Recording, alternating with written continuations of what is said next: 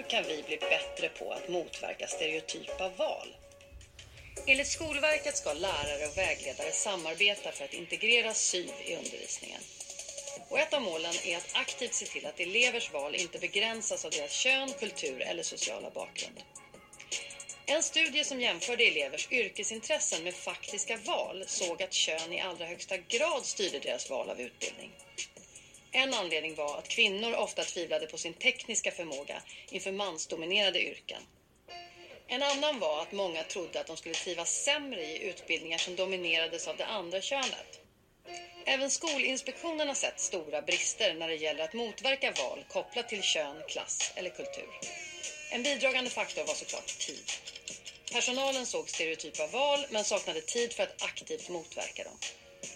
Men en annan aspekt var bristen på kunskap om de här frågorna. Det innebär alltså att vi kan göra skillnad om vi lär oss mer om de val som görs av unga. Avslutningsvis, tre tips från metodmaterialet Tala om arbetslivet. 1. Vänd spegeln mot dig själv. Se dina egna normer och föreställningar. 2. Se över vilka som representeras i det material och exempel som lyfts i skolan. Och 3. Se till att alla kommer till tals i diskussioner. Här sitter jag Annika och har kollat på en film. Ja! Jag gillar film. Mm, och den handlar ju om normkritiska perspektiv mm. på vägledning. Välkomna! Aino Kolmar och Annika Dorén.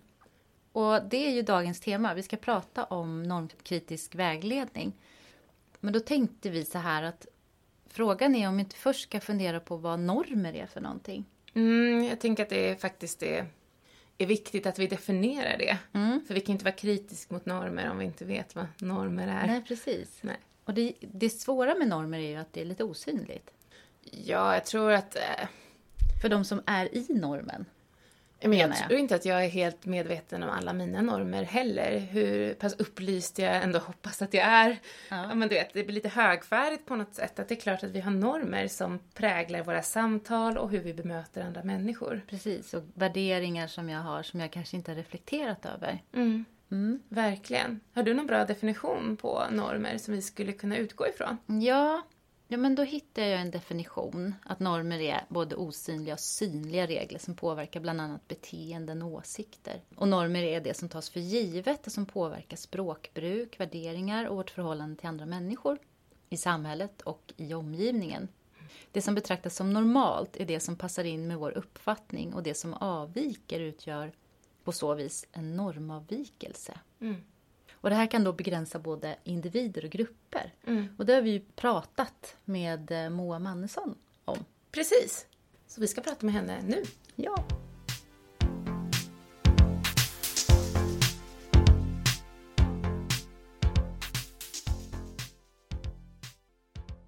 Hej Moa! Hej! Hej! För alla ni som lyssnar som inte känner Moa så gick hon ut studie och yrkesvägledarprogrammet i Malmö 2013 och har jobbat på SYV och gymnasieskola. 2017 så började du jobba som delprojektledare i ett EFS-projekt som heter Vägledning för livet. Mm. Där du jobbade tillsammans med Mia Lindberg och ni gjorde jättemånga olika saker inom Skaraborgs, Furudals och Boråsregionen. Men bland annat så jobbade ni med insatser för att motverka könssegregerade studie och yrkesval inom regionen. Mm. Mm.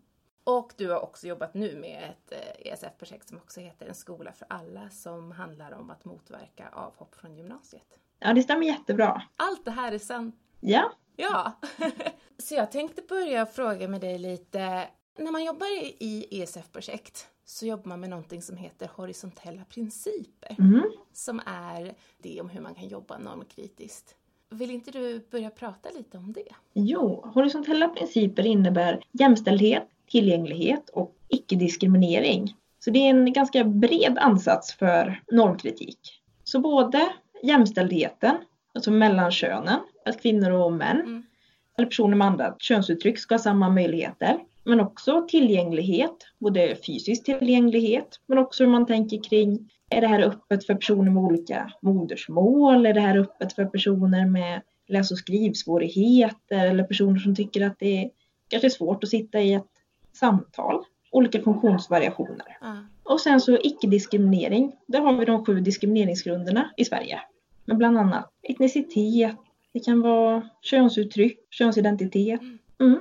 Så ESF är ju EU liksom. Det är ju Europeiska stödfonden, är det så det Europeiska socialfonden. Socialfonden. Mm. Så att för att kunna få pengar för EU så måste man då följa de här principerna. Ja, precis. Så hur, det är ju ändå ganska många principer som man ska få in. Mm. Hur har ni gjort i era projekt för att få in de här projektmålen? Ja, dels har de funnits med i våra övergripande mål för projekten. Att vi vill jobba för detta. Mm. Men sen har vi börjat med utbildning för all personal som har jobbat mer Mm. Aktivt i projekten med ungdomar eller vägledningssökande vuxna. Eh, För att sen gå vidare och tänka på hur skulle vi kunna göra vår verksamhet för att Mm. nå fler personer och kunna nå upp till de här horisontella principerna. Och det har varit ganska olika saker. Eh, någon har tänkt lite mer på tillgänglighet, att när vi sitter i ett samtal, Mm. för vem är det tillgängligt egentligen? Mm. För alla personer trivs inte med att sitta och titta någon i ögonen, sitta på ett kontor. Vissa har ganska dålig erfarenhet av myndighetskontakt, tycker det är jobbigt. Mm. Så de testar att ha promenader, walk and talk. Mm. Framförallt med unga som är utanför studier och arbete. Mm. Och det har funkat väldigt bra. Mm. Och så att man har ungdomar som kanske klarar en kvart inne på ett kontor Mm. i ett samtal. Men en timme och, och prata om framtiden och arbetsliv om man är ute och går istället. Just det. Så det är ju ett sätt att tänka tillgänglighet. Ja. Någon annan tänker tillgänglighet med, ja men vi startar en syvchatt på Snapchat istället. ja, och testar om, om det gör att fler ungdomar vågar söka vägledning. Mm. Eh, när man kan vara lite mer anonym, ställa sin fråga när man vill. Mm. Eh, och det har gjort att fler ungdomar sökt vägledning som kanske inte varit på kontoret. Mm. Mm. Så det är olika sätt att tänka på. Hur kan vi göra för att vägledningen ska passa fler? Just det.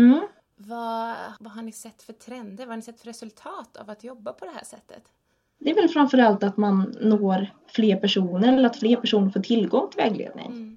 När det gäller jämställdhet till exempel så hade vi några som testade att ha ett vuxexpo. Mhm. De hade som en yrkesmässa för vuxna, Mm. framförallt personer inom SFI. Mm. Och då frågade de innan, vilka yrkesutbildningar skulle ni vara intresserade av? Mm. Tog de in svaren från det. Och sen så gjorde de en mässa. Mm. De hade 14 olika yrkesutbildningar representerade. Arbetsförmedlingen och sådär. Och såg till att vid varje eh, mässplats så fanns det både kvinnor och män representerade för att visa att det är könsneutrala yrken. Mm. Man såg också till att det fanns språkstöd så att man kunde få den informationen Mm. man behövde. Mm. Och efter detta så var det fler som hade fått upp ögonen för fler yrken. Mm. Men då kan man också se resultaten att det ger ändå effekt att försöka öppna upp fler möjliga yrkesvägar. Både att man fått sett dem och prova på, men också se att det kan vara både för kvinnor och män till exempel. Precis, så att det liksom handlar också om att eh, ge möjligheten till förebilder eller representanter helt enkelt Mm, för att kunna visa på möjliga vägar. Är det så du menar? ja, precis. Men om man då jobbar i ett sånt här projekt och har de här olika målen Måste man ha liksom enskilda mål då för varje, vad ska man säga, grupp som man nödvändigtvis vill göra mer tillgänglig för? Eller har man en mer övergripande tanke? Det kan handla om en mer övergripande tanke, men sen beror det på lite vilken målgruppen är för vägledningen överlag. Är det gymnasieelever? Är det personer på introduktionsprogrammen? Eller är det nationella program? Är det vuxenutbildningen som man vill göra tillgänglig för fler? Så lite beroende på vilken målgrupp man har från början och deras förutsättningar. Så får man se lite vilken problemformulering har vi? Mm, Så ganska mycket beror det på målgruppen och göra en målgruppsanalys först. just det. Och hur, eh, hur gör man? För jag vet att när vi pratade lite förut så Mm. vet jag att du nämnde det här att så här, ofta vill vi vägledare göra saker mer tillgängligt för fler och så gör vi kanske en insats. Men ibland så är ju de som dyker upp på de här insatserna de som redan har uttryckt ett behov av vägledning och vill ha mer vägledning. Precis, och det är ju också lite av en risk. Mm. Som till exempel med Snapchat-vägledningen. Det dök upp några som inte skulle kommit till kontoret. Men framförallt var det kanske de som ändå hade bokat ett samtal som ställde fler frågor via Snapchat. Mm. Så att det nådde ändå framförallt de som ändå hade sökt vägledning. Ja, precis. Så vad tror du är vissa grundprinciper som man behöver tänka på om man vill tänka tillgänglighet i studie och yrkesvägledning? Jag tror att Det gäller att börja med att titta på vilka är det som söker vägledning idag? Och vilka är det som inte gör det? Just det. Och vad skulle vi kunna göra för att den målgruppen Ja. skulle kunna ta del av mer vägledning? Dels kan man ju ha lite egna arbetshypoteser. Men det allra bästa är ju att fråga målgruppen. Mm. Har man inte möjlighet att fråga målgruppen då kanske man kan börja med att titta på forskningen eller hur har andra gjort? Mm. Ett roligt exempel på hur man kan bredda de som har möjlighet att få vägledning. Tänker jag som i Tibro där man startat en chatt från hemsidan. Men för att marknadsföra den så har man satt upp de digitala skyltarna som är när man åker in i kommunen. Ha. Marknadsföring av att hej, är du på rätt väg? Är du inte det, då kanske du ska ta kontakt med studie och yrkesvägledarna. Och det är ju ett forum där man kanske möter andra än de som skulle gått in på hemsidan annars. Så det är också att tänka lite utanför boxen. Ja men verkligen. De som åker bil varje dag och kanske inte ens tänkt tanken att de ska ha vägledning ser den här jättestora skylten. Ja, Spännande. Så att tillgänglighet är ju den ena delen av att jobba med normkritisk vägledning. Vi vill ju, Mm. som vägledare vill vi ju hjälpa många människor. mm. Men sen så är det ju den här andra delen i hur kan man hjälpa individer som sen söker vägledning. När vi har fått in dem i våra verksamheter, hur kan vi bredda deras perspektiv Mm. till att tänka utanför de egna normerna? Mm. Vad har du för erfarenhet av att jobba med det? Ja, det är ett svårt område skulle jag säga. Mm, Dels för att man ofta kommer in med, med sina egna föreställningar. just det. Men jag skulle säga att det bästa är att börja med att tänka utifrån sig själv som vägledare. Vad har jag för egna normer? Mm, Vad ser jag som ett bra jobb? mm, Vad tycker jag är bra arbetstider? Vilka jobb vill jag inte vägleda till? Till exempel, eller glömmer jag bort att vägleda till? ja, Men också att börja tänka på hur reagerar jag om någon vill göra ett normbrytande val? just det. Vilka reaktioner får jag? Om jag sitter på en grundskola till exempel och så kommer det in en kille och säger att han vill läsa frisör. Mm. Ska man säga sådär, åh vad roligt. Mm.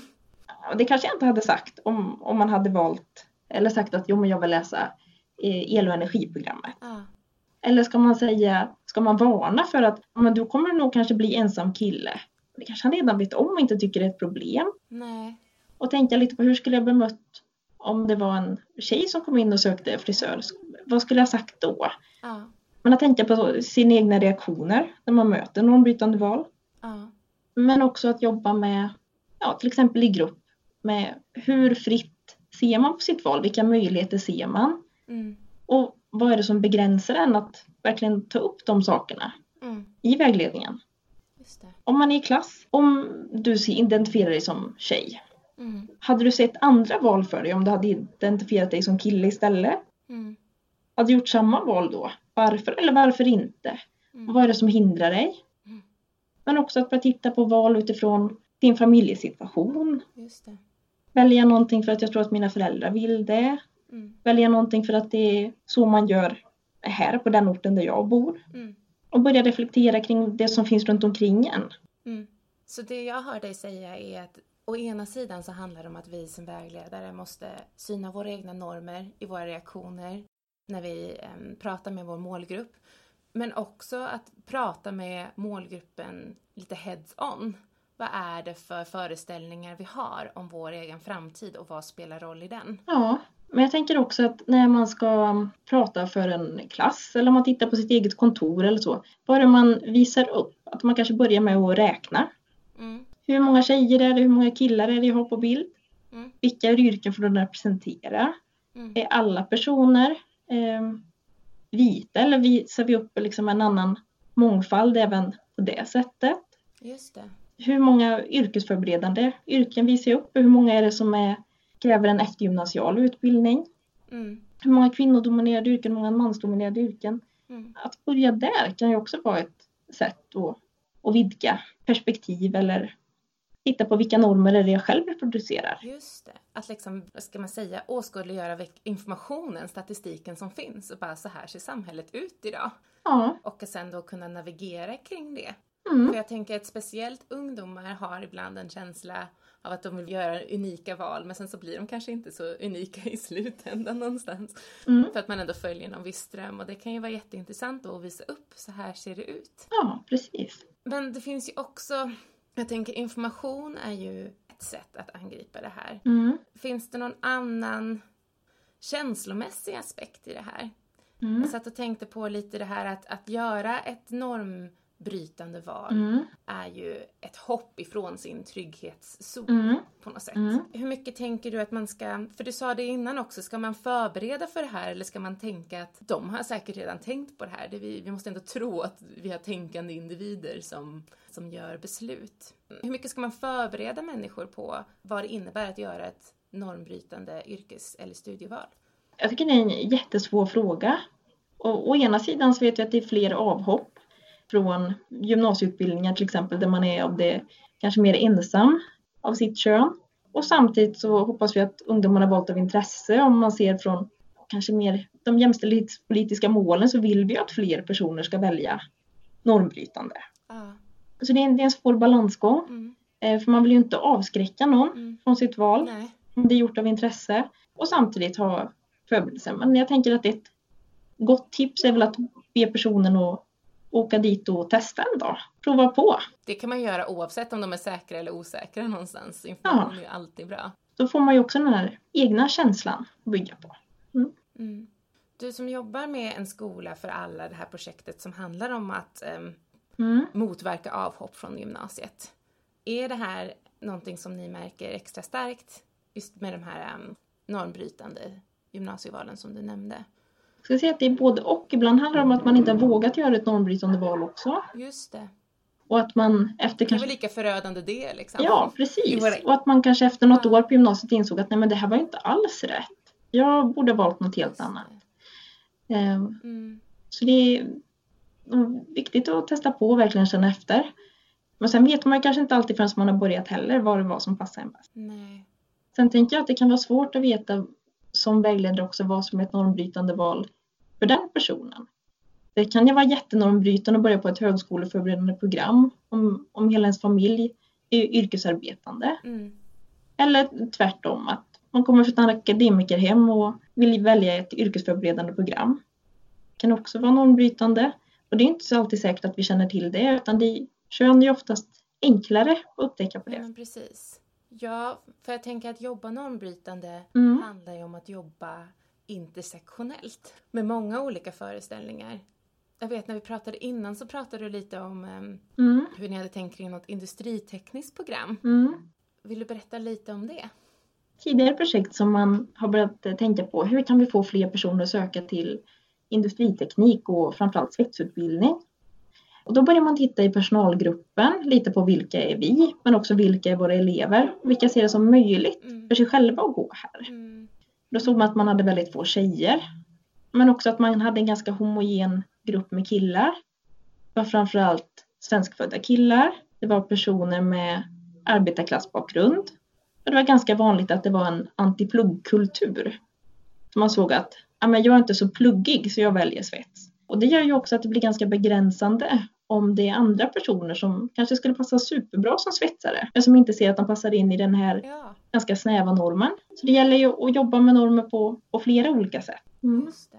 Det kan låta lite mycket ibland känner jag. Ja, det är svårt. alla dessa nivåer som man ska jobba med. För det jag känner att du har liksom ringat in idag är ju att vi som vägledare, vi behöver jobba med ett, våra egna normer, vad vi tänker, vad vi föreställer och på något sätt hålla det under någon form av eh, koll utan att vi heller ska bli helt sådär robotliknande när vi pratar med folk. Vi måste ju få uttrycka känslor och glädje och pepp och liksom sådär. Mm. Och två så ska vi ju prata om normerna på den arbetsplatsen där vi är på. Hur pratar alla andra? Vi är ju inte ensamma i vårt arbete. Vi jobbar ju tillsammans med andra. Liksom. Mm. Och sen tre då, prata med själva eleven eller klienten i sig. Liksom. Så det känns som att det är på tre nivåer. Ja, precis. Tycker jag var en bra sammanfattning. Ja. Nu är ju den här podden till för studenter som aldrig liksom kanske inte har jättemycket erfarenhet av att jobba och så kommer man ut på en arbetsplats och har mycket tankar och, och idéer och så kommer man till en arbetsplats som inte har ett aktivt arbete kring eh, normbrytande perspektiv eller normkritiska perspektiv. Har du något tips kring hur man kan börja ett sådant arbete om man skulle liksom börja i en kant? Ja, men ett sätt kan ju vara att prata med sin rektor eller om det är en annan arbetsledare Just det. Jag tänker, är man på skola så finns det ju mycket som står både i skollagen och i de allmänna råden om att vi ska bredda föreställningarna. När det gäller till exempel Mm. vilken socioekonomisk eh, bakgrund man har, det är kulturell bakgrund och det handlar om kön till exempel. Så det finns ju skrivningar redan i skollagen som säger att vi ska ta upp det här. Mm. Och har man det lite i ryggen så kan man ju också börja med att sätta mål. Mm.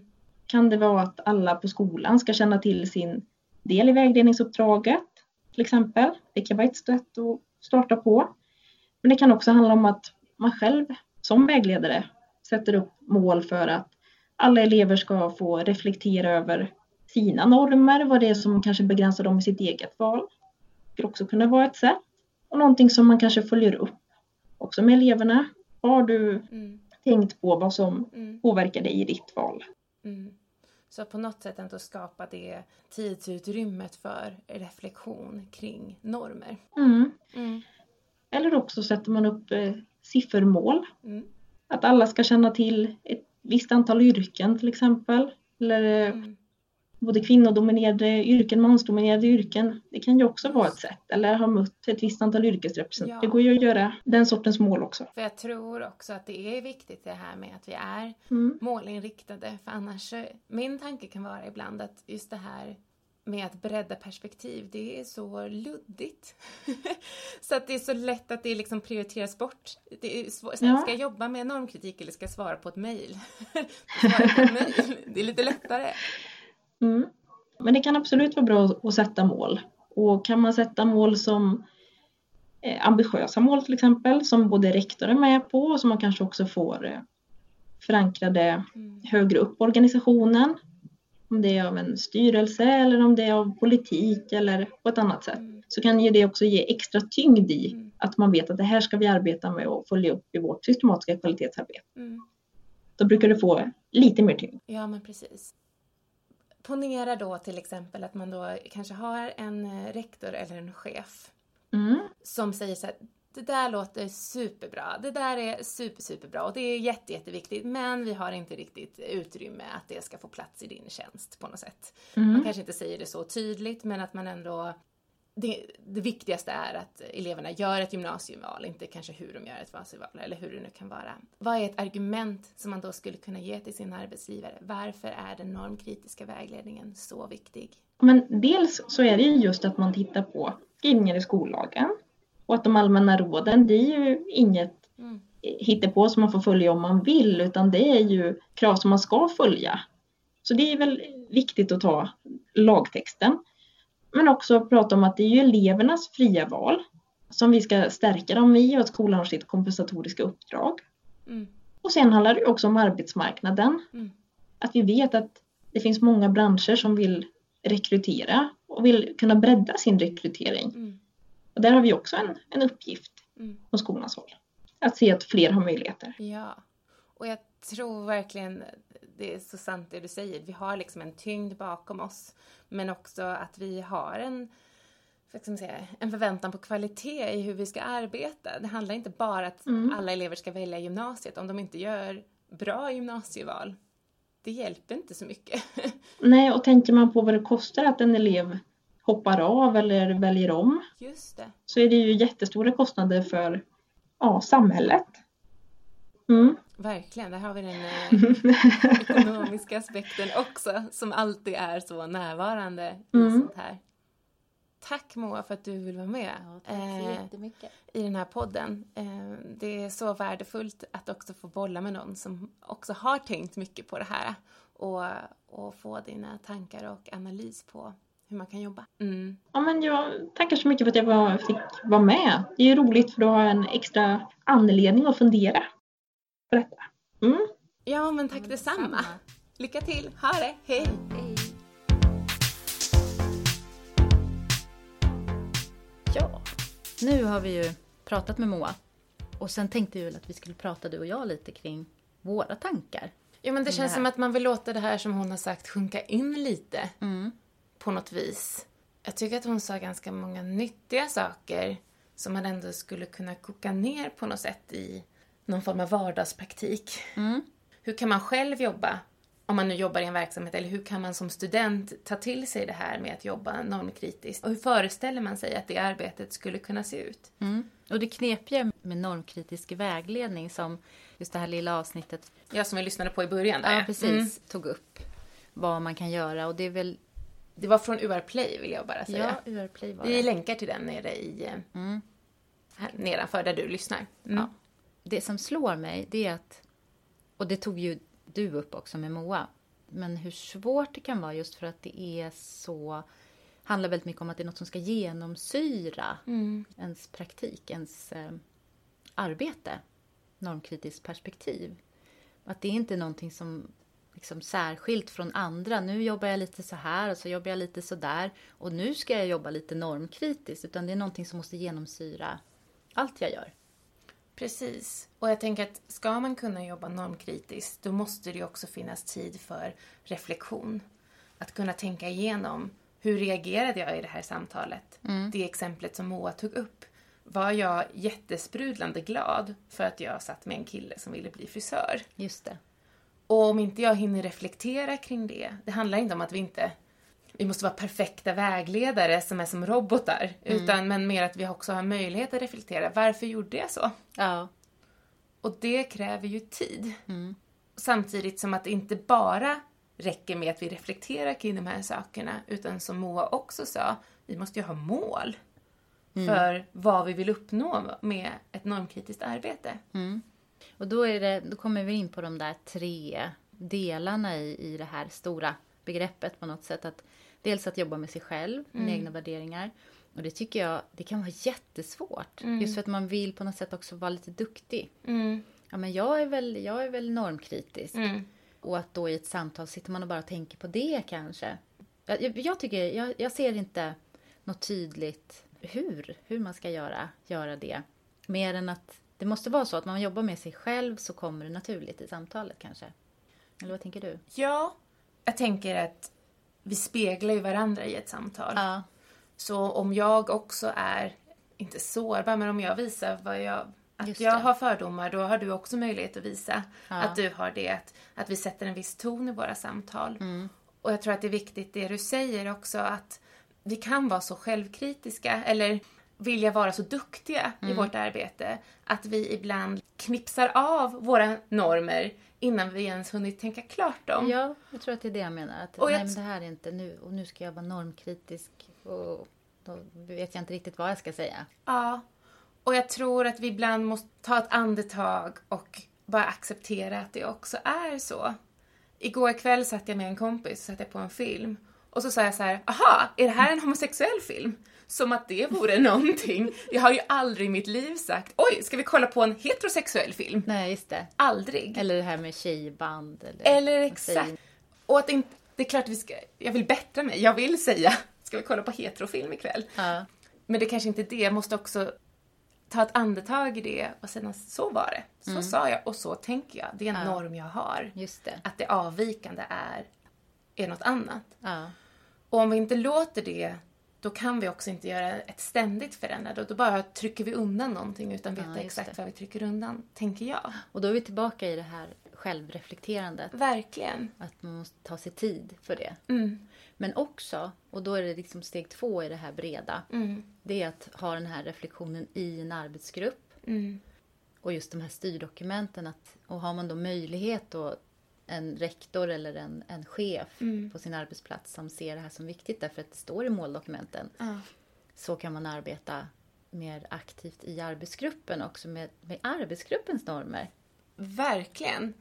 Och jag tänkte på det som hon pratade om, om det här med industriprogrammet. Ja, att jag tänker för att industriprogrammet, eller vi, vi kan ta egentligen vilket program som helst, men för att ett program ska kunna lyckas så måste ju varje elev som kommer dit känna sig trygg. Oavsett om man är högpresterande eller lågpresterande eller vilket kön man har eller vilket funktionshinder man har. eller social kulturell bakgrund. Exakt, även om man inte har jättemycket pengar hemma eller massor med pengar hemma, oavsett vilken jacka man kommer till i skolan, ska man ju kunna känna sig trygg. För annars så bäddar vi inte för att normkritiska val är möjliga. Nej. Så att det handlar både om att påverka själva beslutsprocessen och också skapa en plats där man jobbar. Och det kan man inte göra som ensam studie och yrkesvägledare. Nej, nej, det kan man ju inte. Nej. Det är precis. Och den tredje delen i det här, vad är det?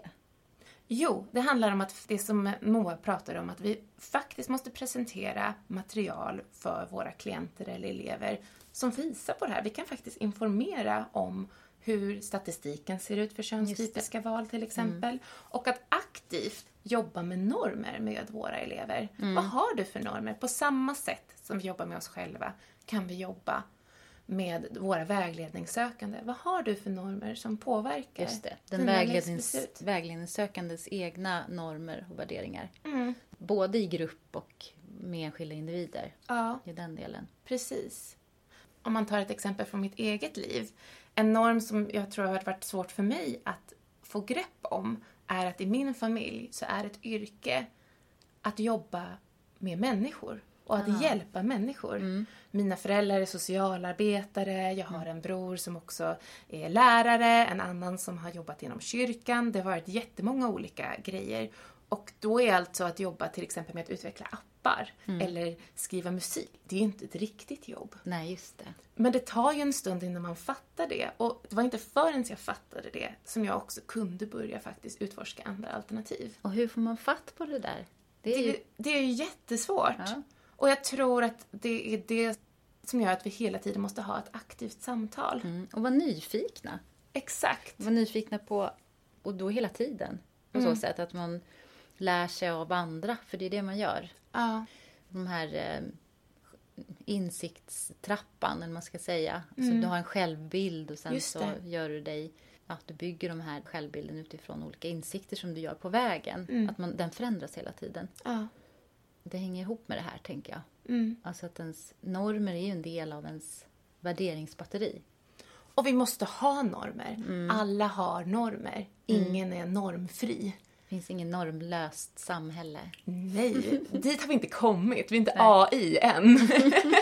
med alla. Och så måste det vara, för vår hjärna klarar inte av att inte ha några förutfattade meningar. Nej. Vi skulle explodera. Ja. Men det som är viktigt är att tänka varför har jag de tankarna? Varför ja. har jag de automattankarna? Mm. Och är det verkligen de automattankarna jag vill ha? Vi kanske kan välja att vraka lite ja. i vilka automattankar som ska manifestera sig i mm. vårt arbete och i vårt privatliv. Mm. Men jag mm. tänkte på det du sa om vad man har för bakgrund. Mm. Eh, för det är där det börjar, hemma. Ja. Och de sociala sammanhang som man ingår i då. Mm. Och där kan jag känna igen mig i din beskrivning. Mina föräldrar mm. jobbade mycket inom kyrkan och min pappa var journalist. Och att det var just den här gruppgemenskapen och att, att det gick ut på väldigt mycket att hjälpa andra. Och sen också så det där som jag stött på som äldre också, det här med att göra musik. För mig var det väl, det fanns ju konstnärliga ambitioner i familjen. Mamma gjorde, skrev dikter och min pappa var journalist och författare. Jo, men att det nya som jag har stött på nu, det är väl mera en förståelse för att det finns familjer som ser till exempel det här kulturella, att man mm. gör musik eller att man gör, skriver att, att det är fint. Mm. Att det är något man ska göra. Mm. Och sen såklart så finns det ju avigsidor med det, för då blir det på något sätt en prestation också. Ja, du måste, måste skriva dikt. Ja, och du måste göra det riktigt bra också. Ja. Det är en ny mm. dimension för mig. För att, att man ska göra det och att det är roligt mm. och det kreativa är lustfyllt, det har jag fått med mig. Men inte att det är en prestation som ska vara en, en prestation. Precis, och det är ju sånt som vi måste hjälpa dem vi träffar att synliggöra. Ja. Till exempel kommer man från en familj som värdesätter det akademiska mm. och så känner man att man inte har ett... Jag kan inte identifiera mig som en person som har läshuvud. Nej. Hur gör man då? Ja. För att våra val påverkar ju såklart andra personer. Mm. Vi gör ibland folk besvikna med våra val eller mm. vi, folk tycker att vi hias på vissa val. Det är inte det som avgör om ett val är rätt eller inte. Mm. Hur andra reagerar. Precis. Jag tänker på det som Moa sa också om dels det här med att informera brett. Att man, och det tror jag kanske är enklare. Mm. Att sätta ihop någonting som passar målgruppen och informera brett om, om statistik och mm. såna här saker. Eller vad det och någonting som andra kan hjälpa till med. Ja. Som inte alltid måste göra själva. Just det, som, som lärare kan vara involverade i. Till exempel, eller andra göra. som jobbar på din arbetsplats. Mm. Vi, vi, måste göra det tillsammans. Ja, mm. men det svåra är ju i det enskilda samtalet. uttryckte ju Moa också. Att där blir det lite svårare för att där är vi ju två som går in med förutfattade meningar Ja. och ska bygga någon form av relation och kommunikations... eh, Ja, att att det blir svårare för att vi går in med mer i detaljer då kanske också. Och då Just kan man ju ha förutfattade meningar som, som man inte är medveten om. Nej. Båda parter. Verkligen. Men hon beskrev ju också att man skulle då kunna vara mer aktiv i samtalet att titta på dem Mm. och utmana den sökandes eh, normer och värderingar kring ett yrke till exempel. Ja. Det tror jag kan vara bra. Men det där förarbetet att utmana sina egna värderingar och normer, det måste man ju göra utanför samtalet. Där börjar ju den processen tidigare och är ständigt pågående. Verkligen. Så det är den som är ständigt pågående kanske. Kommer jag fram till nu. Ja, men så tror jag att det är. Och jag tror att det är mycket som är ständigt pågående. Och jag tror att vi... Min upplevelse av att jobba i skola och i andra verksamheter kan vara att det finns en viss stress kring det här också. Det står i, i läroplanen att vi ska jobba normkritiskt och hur jobbar jag normkritiskt? Kan jag visa upp det här? Och hur många av mina elever har gjort ett normbrytande gymnasieval eller vad det nu kan vara? Och det här är ju en process som går genom hela livet. Så att vi måste också vara ödmjuka för att man kanske bara naggar lite i kanten. Och att tanken är att genom hela utbildningssystemet, genom hela livet, så naggas våra normer i kanten. Precis, att man sår ett litet frö på vägen som vägledare. Vi måste tänka så. För det går inte. Det vore ju helt sjukt om man hade ett samtal. För så fungerar ju inte individer heller, utan det är ju en, en stegvis process. Där man på något sätt bygger sin, ja men apropå narrativa, man bygger berättelsen om sig själv och skapar ett, en meningsfull bild av vem jag är. Det är där känslorna kommer in som vi pratade om tidigare. Precis. Om att kanske det är så att vi i de enskilda samtalen och i grupper träffar de där föregångarna. Som just, det finns ju alltid individer som är mera egensinniga och kan ha styrkan att gå före. Ja. Och de öppnar ju upp för den större massan i det långa loppet. Precis. Om man tänker på längre tillbaka som om man gick på högstadiet i, på 60-talet så hade man kanske som kvinna inte ens drömde inte om att bli någonting annat än flygvärdinna. Det var liksom det finaste man kunde bli. Medan idag så är det ändå självklart för unga att, att fundera på ingenjör om man är kvinna eller, eller någonting annat också. Precis, det här med förebilder som Ja. de också tar upp. Det här klippet i början, att det är så viktigt. Vilket material vi använder, hur vi visar vad som är möjligt. Just liksom. förebilderna. i förebilderna och jag tror att det kommer bli lättare hela tiden. Och då måste vi också hänga med i våra egna reflektioner. För jag tror ibland det som skulle kunna vara jättenormbrytande för oss att till exempel en tjej går byggprogrammet. Det är kanske inte är ett dugg normbrytande för den personen. Nej. För den har uppvuxit i en familj där alla går bygg så det är liksom inget snack om saken. Nej. Det som hade varit normbrytande för den personen kanske hade varit något helt annat. Precis. Och då gäller det verkligen att vara lyhörd och icke-värderande. Ja. För att bryta normer i sig betyder ju inte heller nödvändigtvis bättre. Vi vill bara vara medvetna, så vi Ja. gör medvetna val. Men då tycker jag också att det landar i det här igen, just i, om vi tänker samtal nu, det enskilda samtalet. Att lyssna, vara nyfiken, aktivt lyssnande. Vad är den här personen egentligen vill? Vad är det för drömmar? Och att man börjar där. Mm. Vad finns det för hinder? Och då kan de här normerna vara hinder på vägen. Så det som kan vara uppenbart normbrytande för oss behöver inte vara det för individen. Och tvärtom. Verkligen. Mm. Mm. Ja, det här kan man prata om hur länge som helst. Men Vi har det. Ni kom överens. Vi har haft fyra timmars samtal. Ja. Men ska vi runda av här? Det tycker jag. Ja, och tack för att ni har lyssnat och mejla hemskt gärna in.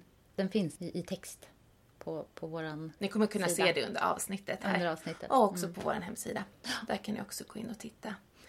Och förhoppningsvis så har vi ett nytt program åt er inom en månad.